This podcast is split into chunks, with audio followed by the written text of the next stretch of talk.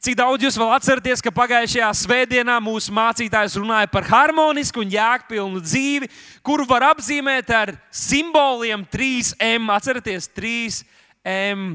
Izmēģiniet to 3M. Tas nav tik sarežģīti un neizskatās tik stilīgi, bet mēs lietojam to, kas mums ir. 3M ir tā vīzija, ko Dievs ir devis mūsu draudzēji kopumā, un arī katram individuāli un pavisam personīgi. Un jūs atceraties, ka mācītājs mums atklāja to, ka viens M novada pie nākamā. Un tas ir, ja tev ļoti patīk Dieva mīlestība, un tev patīk, ka tevi visi mīl un visi apbužina tevi, tad, ja tu esi cilvēks, kurš īsteno savā dzīvē, vai tu esi aizrāvies, aizdedzies tikai par vienu no šiem trīsiem, tad tu vari līdzināties tādam plīšu lācītim, kurš jau paudžu paudzēs kādā ģimenē, tiek nodots nākamajiem bērniem, un visi to ņurca, visi to smērē un tas labi ir saskatāms uz šī lācīša ķermeņa. Un tāda mēs kļūstam, tāda mēs esam, ja mēs pieķeramies tikai vienam no šiem M. Bet ir arī citi, ir māceklība. Kad mēs izlemjam, ka mēs arī paši esam mācekļi, kas mēs mainamies. Saki, es mainos. Un es ceru, ka šajā nedēļā mēs katrs arī pieņēmām šo redzējumu. Jā, vienalga, vai es esmu jauns vai vecs, jauns kristietis vai jau pieredzējis, vēl man ir kur augt un vēl man ir kur mainīties. Bet trešais solis ir misija. Tas nozīmē, ka tā mīlestība, kas ir mūsos, ne tikai maina mūsu pašus un palīdz mums kopīgi celties ar mūsu brāļiem un māsām Kristū, bet arī aizsniegt tos, kuri Kristu vēl nepazīst. Vēstulē ebrejiem, ebreju vēstules autors mums raksta 5. nodaļā, ka tiem, kas ir garīgi brieduši, tiem, kas ir garīgi pilngadīgi, viņiem pienākas piedzīvojumi ar Dievu. Un viņiem prāti ir vingrināti, izšķirt to, kas ir labs un ļauns, tāpēc viņi var droši staigāt pa šo pasauli, kur ir dažādi izaicinājumi un pārbaudījumi. Bet tā kā viņi ir, viņiem ir trenēts prāti izšķirt, kas ir labs un ļauns, viņi var doties piedzīvojumos ar Dievu. Interesanti, ka pat lasot par Jēzu, mēs redzam, ka bieži viņš mājoja vietās, kur cilvēki nepulcējās, un cilvēki nāca pie viņa. Viņš bija vietās, kur bija piedzīvojumi. Viņš nedzīvoja bailēs, viņš dzīvoja misijas apziņas pilns. Un šodien es gribu tev prasīt, kas aizrauja tavu sirdi? Kurš no šiem trīs M aizrauja tieši tevi? Jo droši vien ir kādi, kas saka, pietiek par to mīlestību. Pasaki man, ko darīt? ir citi mūsu draugi, kas saka, ko jūs varat visu laiku teikt? Darīt, darīt, darīt. Pastāstiet vairāk par mīlestību. Es vairāk gribu to sajust. Un šodien es gribētu jūs uzrunāt īsi ar tēmu, kurai virsrakstus iedevu elektrizēts. Pasaka, elektrizēts. Ja tev kāds blakus sēž un tu vari viņu aizsniegt, tad nedaudz iebakst viņam sānos, lai viņš sajūta kā elektrība dzeļa. Elektrizēts ir tāds, kurā ir ierosināts elektriskais lādiņš. Tā tad ir cēlonis šim elektriskajam lādiņam viņa dzīvē. Un šajā mirklī jau no paša dievkalpojuma sākuma es jau jūtu, un es ticu, ka arī jūs jūtat, cik šeit ir elektrizēta atmosfēra. Jūs jūtat? Elektrizēta atmosfēra. Tu sēdi te priekšā, tu sēdi kaut kur tālāk. Mēs visi jūtam elektrizēta atmosfēra, tā kā pirms vētras, tā kā tāds liels spiediens, sabiezējums. Elektrizēta atmosfēra. Mēs esam sanākuši šeit. Mēs pa nedēļu katrs dzīvojam savā dzīvē, esam par gaismu, tur dzīvojam attiecībās ar Dievu, bet mēs sanākam šeit kopā un mūsu vieno daudzas lietas. Mēs esam daļa no draudzes prieka vēstures, kur pats Kristus ir dibinājis šajā pilsētā un valstī, bet vēl vairāk Mēs sanākam šeit, mēs pieslēdzamies šeit. Mums visiem ir augs par atmodu. Mēs visi gribam redzēt Dieva darbus, mēs gribam redzēt viņa spēku un varenību, mēs gribam redzēt zīmes un brīnums notiekam šajā draudzē, notiekot mūsu vidū, caur mums, mūsu ikdienā, kur mēs esam. Mēs gribam redzēt, kā viņš pagodina savu vārdu mūsu vidū. Tāpēc mēs šeit esam sanākuši un mēs visi to izjūtam. Kaut kur kaut kas briest. Kaut kas notiek, Dieva gars darbojās mūsu vidū. No vienas puses, varētu jūs visus nosaukt par elektriķiešiem. Elektriķiešiem. Bauskas un ķekavas novados ir Latvijā divas apdzīvotas vietas, kur nosaukums ir elektriķi. Kāds ir no elektriķiem šeit? Ir kāds elektriķietis šeit? Bet no kurienes jūs esat?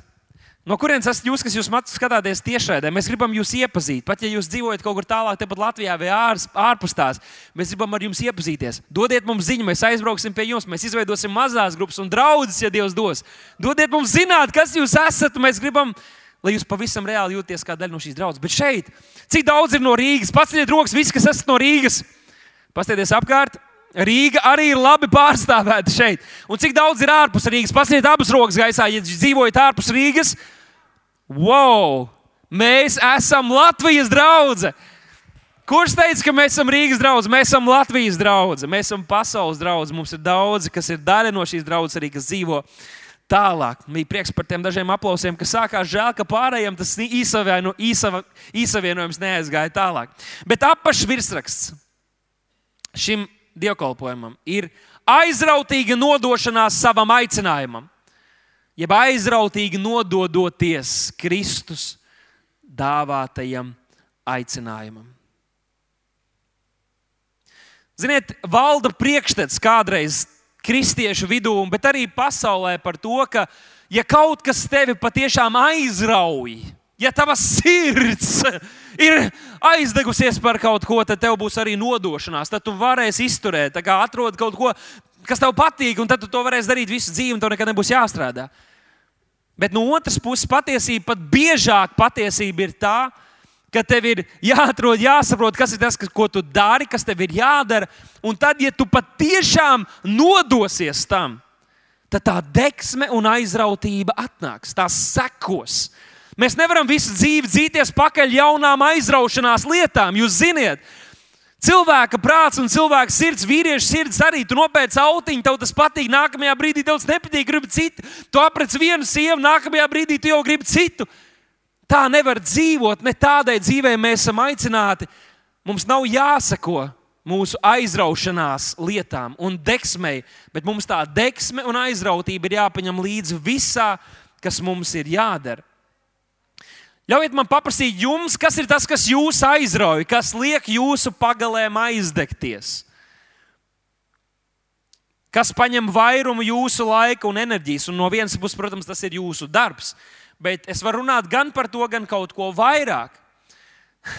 ir cilvēki, kas strādā, tas ir viens, bet lielu daļu savu brīvā laika un enerģijas velta tam, lai, piemēram, zinātu un sekotu visam tam, kur, kur ir kādi vīrieši vai sievietes, kas pa kādu stadionu skraida turp, šurp, turp, šurp un dzerā bumbu. Un tas ir tava dzīve, tas ir tas, par ko tavi draugi tevi zina. Tu esi tas cilvēks, kam patīk skatīties, kā puikas skraida pa, pa laukumu un spārta bumbu. Ir kādi, kas seko līdzi. Un, ziniet, ir izdomāts tur apgriezties divas, trīs reizes un aizmest šķīvīt. Un, ja tu vari aizmest tālāk par citiem, tad ir cilvēki, kas iespējams visu dzīvi dos, lai sekotu tavai karjerai un lai zinātu visu, kas notiek. Dzirdētu katru tavu vārdu, ko intervijā pateiks. Ir kādi, kas var ātrāk skriet par mums. Viņa stadionā var apskriet 3-4 reizes, bet labi, es negribu aiztikt sportu. Sports ir ok, es nesaku, ka to nevajag darīt, bet vienkārši runājam par prioritātēm. Ir kādi, kas atdod visu savu brīvo laiku un enerģiju, lai būtu pirmie, kas zina visu par kādu svešu vai zināmu cilvēku, par visu, kas notiek viņa dzīvēm. Un tad nu, viņi jūtas, jā, tagad es patiešām esmu viņa fanu kluba pirmā persona. Manai dzīvē ir jēga, bet vai mēs tā gribam aizvadīt savas dzīves? Vai mēs gribam būt savu aizraušanos kontrolēti? Mums pietiek skraidīt pakaļ šīm lietām. Un šajā nedēļā es domāju par aizrautīgiem cilvēkiem, un mūsu draudzē tāda netrūkst. Par veiksmīgiem, aizrautīgiem cilvēkiem, un es ceru, ka Dieva žēlstībā es varu pieskaitīt sevi arī to starpā. Uh, ka mūsu draudzē tādi ir daudz, kas ir aizraujušies ar, ar, ar to aicinājumu, kas Dievam ir pār viņu dzīvēm, un kas ir aizraujušies arī ar to nodarbi, ko viņi dara, lai parūpētos par savu ģimeni un lai varētu finansēt Dieva valstības darbu šeit virs zemes.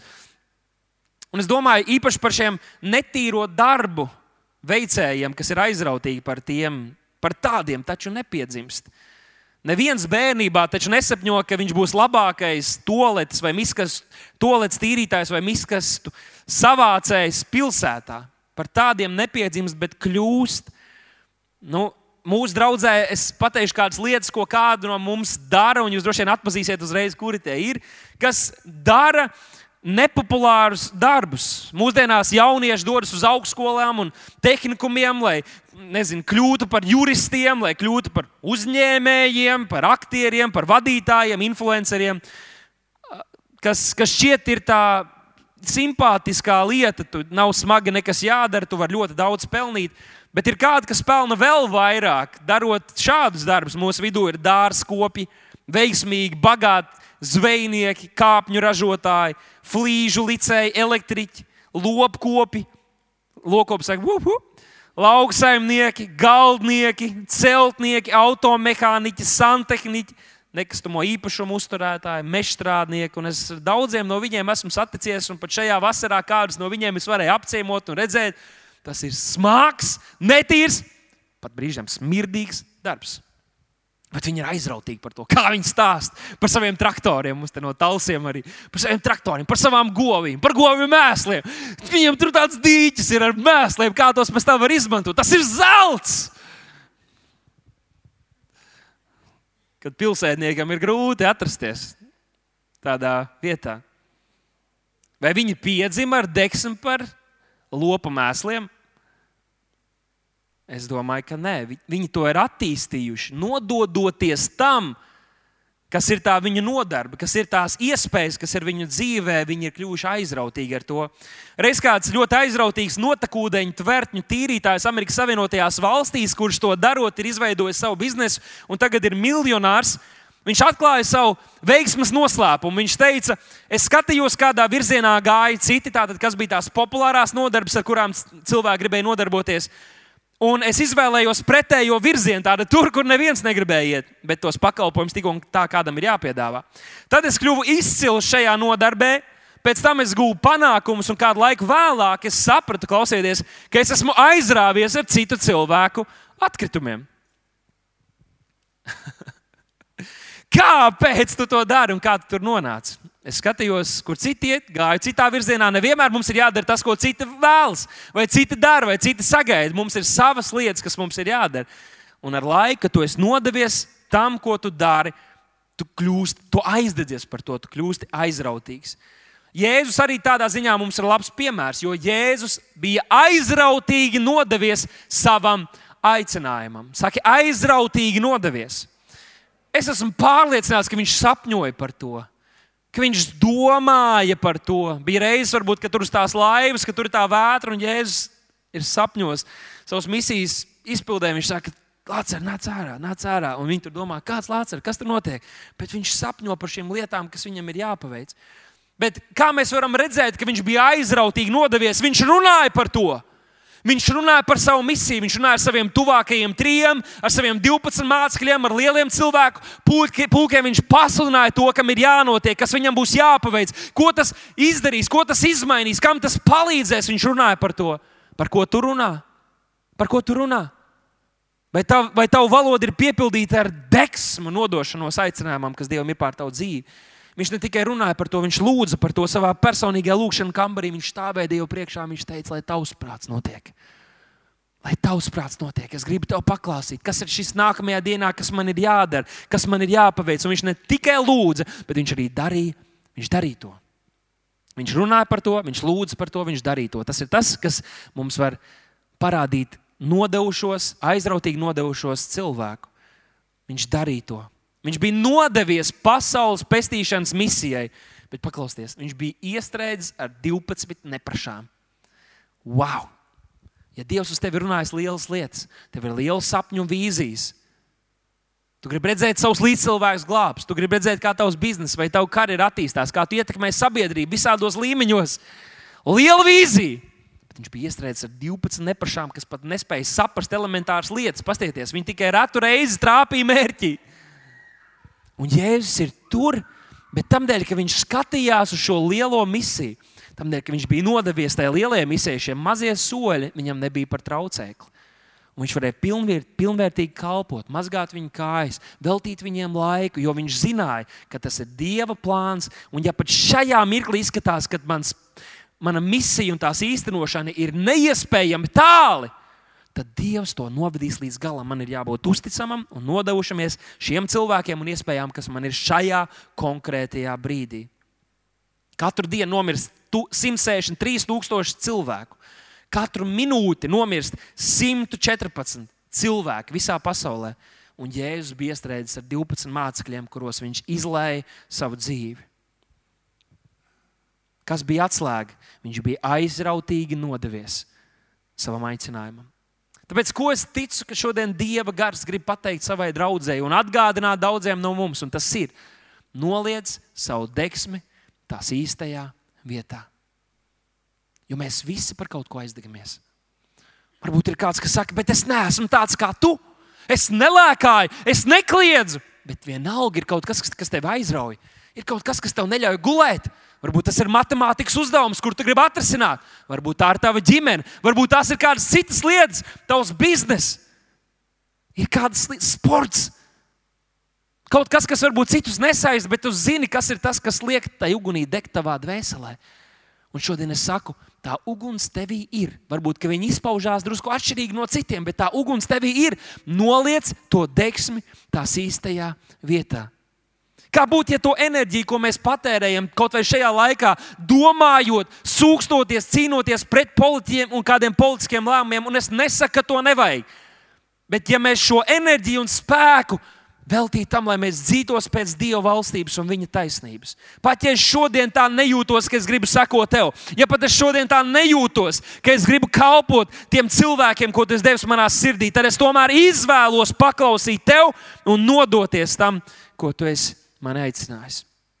Un tāpēc es pielieku visu savu sirdi, savu prātu un savu spēku. Un tad, kad kāds rakstu mācītājs Jēzum reiz prasīja, kurš ir visaugstākais bauslis, tad Jēzus viņam nekavējoties atbildēja, citējot vecajā derībā rakstītu pirmo bausli. Un mēs redzam to Marka evanģēlī 12. nodaļā, un Jēzus viņam saka, klausies, augstākais ir klausies, Izraēla!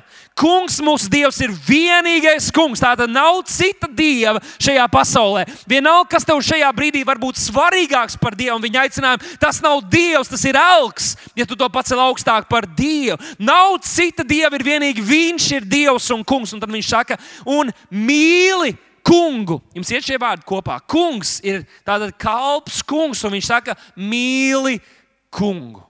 Viņš saka, mīli savu kungu, savu dievu no visas sirds, no visas dvēseles, ar visu savu prātu un ar visu savu spēku. Tam viņš saka, otrs tam līdzīgs ir mīl savu tavā, tuvāko kā sev pašu.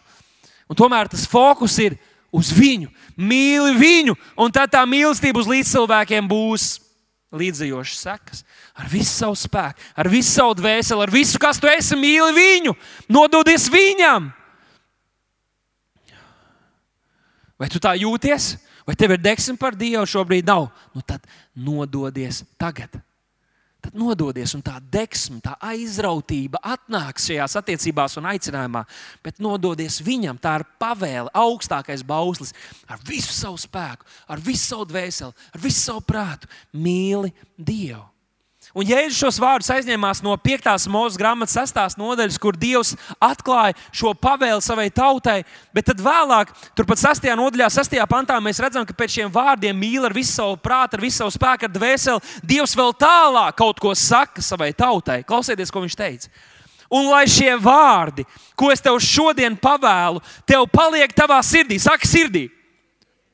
Un atgādini to saviem bērniem, saki, atgādini bērniem un runātos, sēžot savā namā. Saka, runātos. Un tad viņš saka, un pa ceļu ejot, runā. Un vēl viņš saka, guļoties, runā. Un ceļoties, runā. un sientos kā zīmē savas rokas, un liec par zīmi starp, starp savām acīm uz pieres, un raksti tos, un liec pie sava nama durvju stabiem un pie saviem vārtiem, un klausieties, kas notiek. Tas ir kā nav tik sarežģīti. Dievs saka, tikai es esmu Dievs, Klausiet mani, tā ir pirmā, pirmā darbība, ir klausiet, klausieties, ko Dievs saka par tavu dzīvi. Kas ir tavs aicinājums? Klausies, sadzird to, ko Dievs saka. Un tad viņš saka, mīli. Un kā, kā, mēs, kā mēs varam nonākt tajā vietā, ka mēs ne vienkārši paklausām pavēlē, bet ka mēs reāli to darām. Ka mēs esam nodevušies tam, ka mēs esam aizdegušies par to, ka mēs aizrautīgi mīlam Dievu un līdzcilvēks mums apkārt. Viņš saka, saliec to visapkārt, pārpildi savu dzīvi ar šo dievišķo aicinājumu savā dzīvēm runā par to, atgādini saviem bērniem, Runā par to ceļoties, runā par to savā darbā, runā par to staigājot, braucot mašīnā, runā par to, ka tu ej gulēt, lūdziet par to savā ģimenēs. Pielieciet mājā raksturvietas, simbols, lietas, vīzijas, kas jums atgādinās par to, kāds Dieva plāns ir priekš jūsu dzīves, ka jūs nedzīvojat priekš sevis, ka jūs dzīvojat kaut kam lielākam un vairāk. Pārpildiet savu dzīvi ar to. Nedomājiet, kā ir tā dzīvot. Arī manā mājā, vairākās vietās mums ir simboli, ir, ir vārdi, kas mums atgādina to, kāpēc mēs esam šajā pasaulē. Un tas turpina mūs aizdedzināt. Tas turpina mūs aizdedzināt, tas turpina man atgādināt to, ka es esmu šeit kādas lielāka mērķa vārdā. Dievs mani ir aicinājis, Dievs manu namu ir aicinājis. Un Tad, kad mēs šādi nododamies Dievam, tad tas rada deksmu mūsos. Un viens no tādiem dedzīgiem vecās derības vīriem bija Sauls, kurš vēlāk kļuva par Pāvilu. Viņš dzīvoja laikā, kad Jēzus bija atnācis, bet viņš bija tik ļoti nodevies vecajā derībā teiktajam, ka viņš vajāja draugu, lai pasargātu to, kā Dievs bija atklājis viņam sevi tad caur rakstiem. Viņš bija tā nodevies, ka viņam bija deksme. Viņš dedzīgi iznīcināja draugus, viņš dedzīgi vajāja kristiešus. Viņš bija nodevies tam. Bet tad Jēzus atklājās viņa dzīvē, un pēkšņi šī pati deksme, kura pati par sevi jau nav slikta, bet tā gāja nepareizā virzienā. Nevienmēr mūsu aizraušanās un mūsu deksme mūs vedīs pareizā virzienā.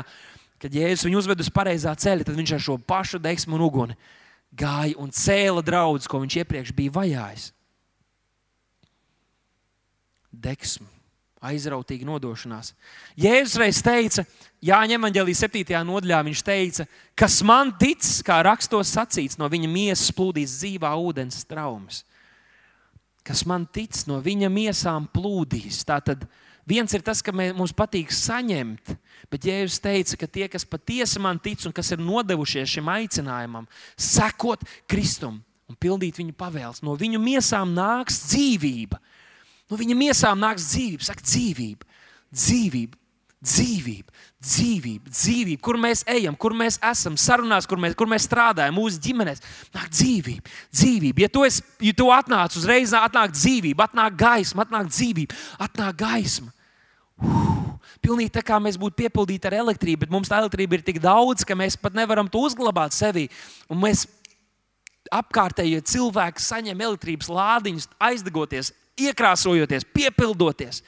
Jāņem Evangelija 14. nodaļā, Jēzus atkal saka, kas man tic, tas arī tos darbus darīs, ko es daru, un vēl lielākus par tiem darīs. Tātad šai enerģijai, šim spēkam, ko Dievs ielicis mūsu šīm dzīvības avotiem, ne vienkārši ir jāplūst, yeah, yeah, bet tam ir reāli jāietekmē cilvēku dzīves, tam ir reāli jāatnes pārmaiņas ne tikai mūsu pašu dzīvēs, bet arī mums apkārt tos pašus darbus un vēl lielākus darīs. Jēzus pasniedz evaņģēlī, cilvēki kļuva brīvi, cilvēki tika dziedināti, cilvēki, cilvēki ieguva jēgu un mērķi savā dzīvē. Un tas ir tas, ko Jēzus apsola, ka tas notiks arī tad, kad mēs nodosimies šim aicinājumam, sekot Kristum, mīlēt viņu, būt par mācekļiem un aizsniegt cilvēkus, kas ir mums līdzās. Bet tas nenotiks pats no sevis. Mums ir aizrautīgi jānododas tam, mums ir jāiegūst deksme Mums ir jāiegūst deksmes, sekot Kristum. Un šajā brīdī es gribētu, lai mēs atceramies par to, kā šī draudzene sākās. Tas sākās jau vairāk kā 30 gadus atpakaļ, bet šeit jūs redzēsiet tādu attēlu, kur ir redzama viena no varbūt pēdējām lielajām kobildēm kaut kādos 2000. gados. Pirms draudzes izgāja no Vēja kultūras pilsētas, un mēs ienācām šeit, šajā namā, kurš vēl nebija pilnīgi pabeigts. Kā šī draudzene aizsākās? Varbūt jūs zināt. Mums bija vislabākais speakers un vislabākā slavēšana Latvijā. Ļoti iespējams. Ļoti iespējams. Es vēl toreiz biju mazs un neko nesapratu. Es ticu jums, ja jūs tā domājat, un jūs toreiz bijāt, tad jūs zinat. Bet man ir tādas aizdomas, ka šī draudzene aizsākās no cilvēkiem, kuri bija nodevušies sekot Kristum, kuri bija nodevušies patiesībai. Mūsu mācītājs bija jauniešu līderis, kurš deva savu brīvo laiku kādā, kādā baznīciņā, lai celtu dievu draugu, lai palīdzētu, kur ir vajadzība.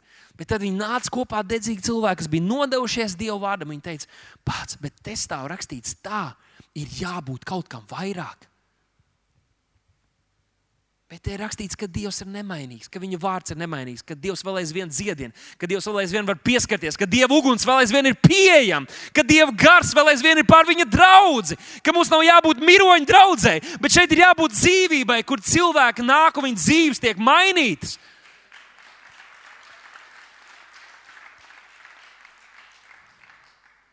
Un mūsu mācītāji, mūsu vadītāji ņēma Bībeli un teica, Dievs, mēs gribam to redzēt. Mēs nezinām, kā. Mēs pat nevaram paskatīties, kādas veiksmīgas draudzes kaut kur ārzemēs, kā ko viņi dara, kādi knifiņi. Mēs vienkārši gribam sekot tev. Mēs gribam redzēt, kā tavs vārds piepildās. Viņi bija nodevušies tam. Un tam dēļ, ka viņi bija nodevušies Dieva vārdam, deksme bija pār viņiem. Viņi dega par to, viņi bija gatavi maksāt cenu. Un tā cena bija liela, kas bija jāmaksā šai draudzēji sākoties. Un vēl aizvien ik pa laikam mēs redzam, ka kāda cena mums ir jāmaksā par to, ka mēs patiesi gribam uzticēties Dieva vārdam un nevis izpatikt sabiedrībai vai kādiem sabiedrības locekļiem vai pat arī garīdzniekiem. Un Dievs nāca pār tiem slāpstošiem cilvēkiem, kas iespējams bija tukši un savs, bet viņiem bija pats Dievs, ir jābūt kaut kam vairāk. Tavs vārds saka, mēs gribam to piedzīvot. Tavs vārds saka, to es gribu to piedzīvot personīgi. Ļaujiet man jums pateikt, kā notiek elektrizācija. Un es neesmu nekāds elektriķis. Es pat neesmu nekad bijis elektriķos. Ceru, ka jūs tagad saprotat, kas ir elektriķi. Kā notiek elektrizācija? Cik es saprotu, ir divi populārākie veidi, un viens no tiem ir tāds, kas, ko es pavisam nesen piedzīvoju ar savu meitu, un tas ir uh, kad mēs bijām bērnu laukumā, bija tāda salīdzinoši saulaina diena. Un viņa uzkāpa slitkalniņā, nobrauca lejā ar to. Viņai bija tāda kleitiņa jauka. Un viņa nobrauca lejā, un es viņu ķēru, un mums bija elektrība. Un, acīm redzot, viņai braucot lejā, tātad viņas eh, kleita ir izveidota no tāda materiāla, kas tā labi sapasē un saberzējās ar to pašu kalniņu, un tur ved, izveidojās kāds elektro, elektrības lādiņš, un viņi to uzņēma. Tad, kad mēs saskārāmies, tad viņi man to nodeva, jo manī tas elektrības lādiņš nebija. Un mums izveidojās dzirstelīte. Un man, manai meitenei patiesībā abām tas ļoti iepatikās. Viņas laikam šļūts un tikai mēs. Un beigās tā matra augsts. Bet tas ir viens no veidiem, un tas ir tas, ko Dievs dara, kad mēs sanākam kopā, kad mēs esam mazajās grupās, kad mēs esam kalpošanās, kad mēs kā draugi sanākam kopā. Mēs vienkārši esam blakus, un kāds ir mazliet vairāk uzlādējies, un kāds ir mazāk, bet mēs kopīgi tā kā mazliet berzējoties, tuvojamies Dievam, mēs uzlādējam viens otru, mēs saņemam šādus impulsus kalpot, impulsus nodulties, impulsus sekot viņam, iedvesmojam viens otru. Tas ir viens no tiem veidiem, kā Dievs to lieto un kā uzlādē mūs. Bet tad otrs, kurš man patīk daudz vairāk, un um, mūsdienu tehnoloģijas jau palīdz mums to arī savā mājās iepazīt, un tas ir, ka tuvinot ķermeni, tātad, kurš nav uzlādējies, kurš ir izlādējies, uz, tuvinot to ķermeni citam uzlādētam ķermenim, notiek elektrā, elek, elektrizācija. Notiek elektrizācija. Tātad, ja tas ir ķermenis, tas ir objekts, Tas ir cilvēks, kurš ir pavisam tukšs, bet viņš tuvojas ķermenim, personai, kas ir pārbagāta ar enerģiju, ar spēku. Šis objekts, kurš tuvojas šim lielajam, nozīmīgajam objektam, viņš pats tiek uzlādēts. Un tuvoties nevienmēr ir viegli, ir jāpieliek piepūle. Ir jāpieliek piepūle. Īpaši, ja tev jau tā baterija ir tukša, Ziniet, kā iet tehnika, kurai beidzies, beigusies degviela vai baterija beigusies, ļoti velkās, velkās un nav viegli, īpaši pirmie soļi. Bet tad, jo tuvāk tu tiec šim enerģijas avotam, jo vairāk tu pats piepildies un apspīd. Un Mārtiņ, varbūt varētu man palīdzēt. Es gribētu šodien jums parādīt, ka iespējams, ka mūsu vidū šodien, arī varbūt mūsu online šajā brīdī skatās kādi cilvēki. Un tu jūties, ka tev vispār nav šis spēks ka tev vispār nav šī dievišķā elektrība, šī enerģija, tukšs, jūties kā izpūsts balons. Varbūt tu esi slims un tu jau ilgi cīnies. Varbūt tu nesaskati nekādu mērķi tālāk savā dzīvē, kas tev jādara. Varbūt tu esi šeit un tu saproti, jā, tās attiecības ar Dievu bija laiks, kad es degu, bet tagad man vispār nav šis kontakts. Es tā kā esmu pilnībā atvienojies. Tas nav nekas sarežģīts, jo mirklī mirklī, kad tu sāc tuvoties e, enerģijas avotam, arī tavā dzīvē, arī tavu dzīvi sāk piepildīt atkal šī, šī, šī dievišķais spēks un elektrība. Un pēkšņi tava dzīve atkal sāk piepildīt spēks un cerība. Un Dievs vīzija. Un Dievs šodien dziedina, un Dievs šodien pieskarās. Un tad, kad es gatavoju šim dievkalpojumam, manā sirdī bija pārliecība, ka Dievs pieskarsies daudziem. Daudziem simtiem cilvēku, arī tiem, kas ir attālināti, tur, kur jūs esat, pagrieziet skaļāk un pieslēdzieties. Mēs tagad slavēsim un pielūgsim mūsu Dievu. Mēs slavēsim, pielūgsim Dievu, bet es gribu, lai jūs redzat šo, šo attēlu. Vienalga, kas ir mūsu vajadzība, kas ir tā, tas mūsu trūkums, kas ir tas, kāpēc mēs esam atnākuši šeit, vai kamēr es runāju, tu saproti, jā, tā ir tā sfēra, kurā man ir vajadzīga Dieva pieskāriens. Vienalga, kas tas ir, kad mēs tuvojamies Viņam, Viņam nekad nav nekāda trūkuma.